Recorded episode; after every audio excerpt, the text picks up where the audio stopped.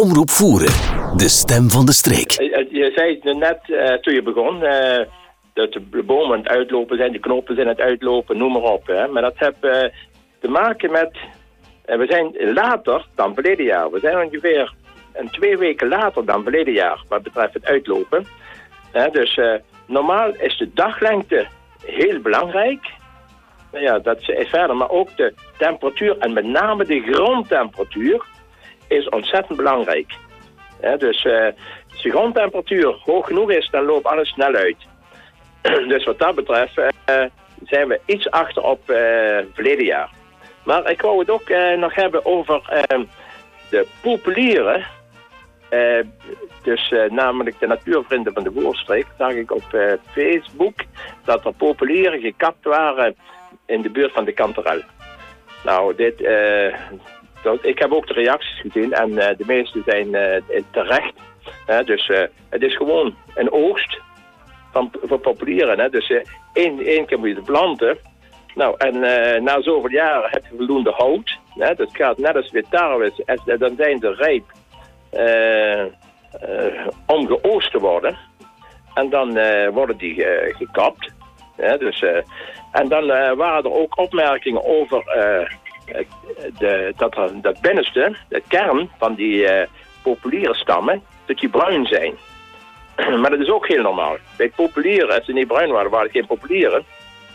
Maar dat is namelijk de parachiemcellen. Dus de, dode, de dode cellen in kernhout, zodra die van het spinthout naar kernhout gaan, hè, dus zodra ze afsterven, komen stoffen vrij, eh, tannine komen vrij. En uh, die reageren met zuurstof en, en, het resterende, uh, laten we zeggen, vocht in dat hout. Uh, nou, dan wordt het gewoon bruin. En dat is namelijk wat je ziet, die bruinverkleuring van die kern, dat is het kernhout. Het lichte eromheen is het uh, spinthout. En de buitenste kant, dat is de bast en de, de vaatbundels. Dus wat dat betreft, uh, bij die populieren. Wat wel is opgevallen, dat op veel plaatsen, en daar heb ik misschien terecht dus opletten, op veel plaatsen gaan populieren dood. En er zit daar bijvoorbeeld een echte uh, donderzwam op. Ik heb het al met, uh, met de wollige bundelzwam gezien. dus, maar als je goed oplet, dat zijn oude populieren, die alleen, dus die zijn ergens blijven staan of geplant. En die zijn eigenlijk nou een beetje uitgeleefd. En dan worden ze zwak. En dan worden ze dus de prooi van die tondersman. dus uh, wat dat betreft uh, uh, is dat ook heel normaal. En wij zitten hier nog met wisselende waterstanden. Dus die populieren niet goed zijn, in ieder geval populieren, die, die worden aangeplant om geoost te worden. En, en de, de, dat hout, dus dat hout wordt gebruikt voor, voor, uh, voor eh, voor gewoon hout. want er worden ook deuren en, en kasten en stoelen van gemaakt. Maar ik weet nog, en dat vind ik dus wel jammer, enkele jaren geleden werden heel veel populiere bossen gerooid, gekapt.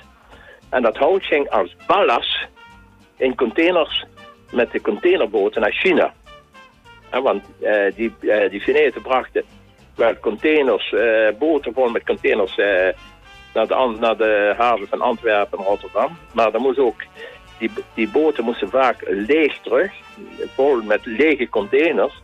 En dan werd er dus populiere hout gekocht. Hele bossen, er zijn er heel veel gekapt. want ik moest daar de fietsverklaring geven. Um, dat, dat hout naar China ging. Verder, maar dat is terzijde, wil ik het eigenlijk hebben over uh, het zaaien. we zijn nu uh, uh, ja, eigenlijk in het voorjaar en uh, we kunnen beginnen met zaaien. En dan zijn er nog altijd de twijfels, wanneer moet je zaaien? Nou, de meesten zeggen bij een wassende maan, hè, want dan kiemt het beter. Anderen zeggen je moet wachten tot de maan, de zon en de aarde op één lijn staan. Nou, het is namelijk zo. Je moet alleen zorgen dat de jong, het jonge gewas uh, niet, uh, geen nachtvorst krijgt. Ja, want de meeste groente wat wij zaaien is tweejarig. En komt er op het jonge gewas een kouperiode, dan gaan ze doorschieten. En dan krijg je dus de bloeivorm. Dus dat is eigenlijk de hele gedachte achter eh, in wat voor soort maan je moet eh, zaaien. Eh, verder eh, wou ik het nog hebben over in de tuin. Hè? Dus eh, eh, we zijn nu allemaal de kuiplanten aan het eh, buiten zetten, aan het omplanten. En, en iedereen aanraaien, dus bij het omplanten gebruik daar micro-organismen voor een hele goede wortelvorming. Dus ook wat je uit, uit buiten plant, maar ook wat je omplant in die potten. En ehm, die micro-organismen zitten veel in biofin of fivermus, dat maakt niet uit. Maar eh, als je dat bij die, dan heb je een veel beter, betere beworteling. En dan heb ik eh, nog één punt. En dat is eh, de hagelschotsziekte bij kersen. Dus laurier, kers, ook die de donkerrode brunische, de, de Cerasifa nigra, heb je vaak in het voorjaar tot daar eh, eh, gaten in die bladeren komen. Nou, en eh, dat kun je voorkomen door, zo, zodra er nieuw blad op de bomen komt, dus bij het nieuwe blad, te spuiten met biologische spuitzwavelen. Mhm. En eh, dus die spuitzwavel die eh, doe je gewoon om de 10 tot 14 dagen herhalen tot eind mei. En dan is de, de ziekte eh, inval van die hagelschot is dan geweken. Ja, dus, want de, de hagelschot is eigenlijk een pseudomonas, een, een koude parasiet. een bacterie. En die valt bij nachtvorsten heel graag in, in die bladeren. Het is eigenlijk een samenwerking, hè, Willy, met Stigmina. Eh, hoe zeg je? Het zijn eigenlijk twee schimmels die samenwerken. hè? Ja, ja, ja, je hebt gelijk. Dus, eh, ja, juist, juist. Dan, eh, want als je dat ingevallen is, hè, en dan krijg je naderhand, komt er, dus bij de bacterie, komt er de stigmina schimmel. En dan krijg je de bladvlek. En die twee, ja, de- ze groeien samen, maar verstaan zich niet. En dat resulteert eigenlijk tot die bladvlek uit het blad valt. En dan heb je die hagelschot, hè. De op hagelschot lijkende ziekte. Ja, inderdaad. Ja, dus, eh, maar sowieso, spuitzwavel spuiten in het voorjaar is eh, eh, altijd goed. Hè, want je bestrijdt ook de spint hè, en de, de, de en, en de. Bijvoorbeeld in, in druiven. Hè. Druiven heb je al heel gauw tot, tot die de viltige galmijt, dus tot je echt die, die bobbels later op het seizoen krijgt. Nou, die kun je dus ook het voorjaar, zodra het nieuwe blad is, een paar keer spuiten met die eh. En dan heb je er ook eh, minder last van. En En? ook, En niet te vergeten, het, het, het, voorkomt ook, eh, of voorkomt, minimaliseert de kans op inval van mildo.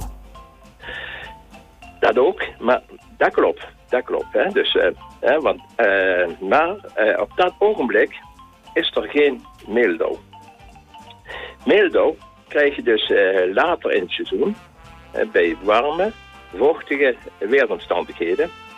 En dan moet je ook preventief, eh, dus zodra er een regenbui is geweest, eventjes met zwavel spuiten om die inval van die, van die meeldauw te beperken. Ja, dus, eh, maar dat klopt. En maar wat, wat wel is, als je in het voorjaar met die, eh, met die zwavel spuit, bijvoorbeeld bij, eh, bij peren, dus eh, sierperen of noem maar op, heb je die perenroest. En eh, die kun je wel eh, weer voorkomen, de inval. Want zwavel is het beste preventieve middel. Hè, dus als je maar regelmatig je blad afdekt met, eh, met zwavel, het nieuwe blad wat weer gegroeid is, dat is heel belangrijk. Hè, dus dat het afgedekt wordt met zwavel, dan voorkom je inval van eh, schimmelziektes. En dat is, eh, als de temperatuur hoger wordt, ook inderdaad de meeldag. Oké, Willy, dankjewel. Een heel verhaal en hebben we heel veel weer van geleerd. Spreken we elkaar volgende week weer? Succes Oké, en, dankjewel. eh, en bedankt. ja, tot volgende week. Tot de volgende week.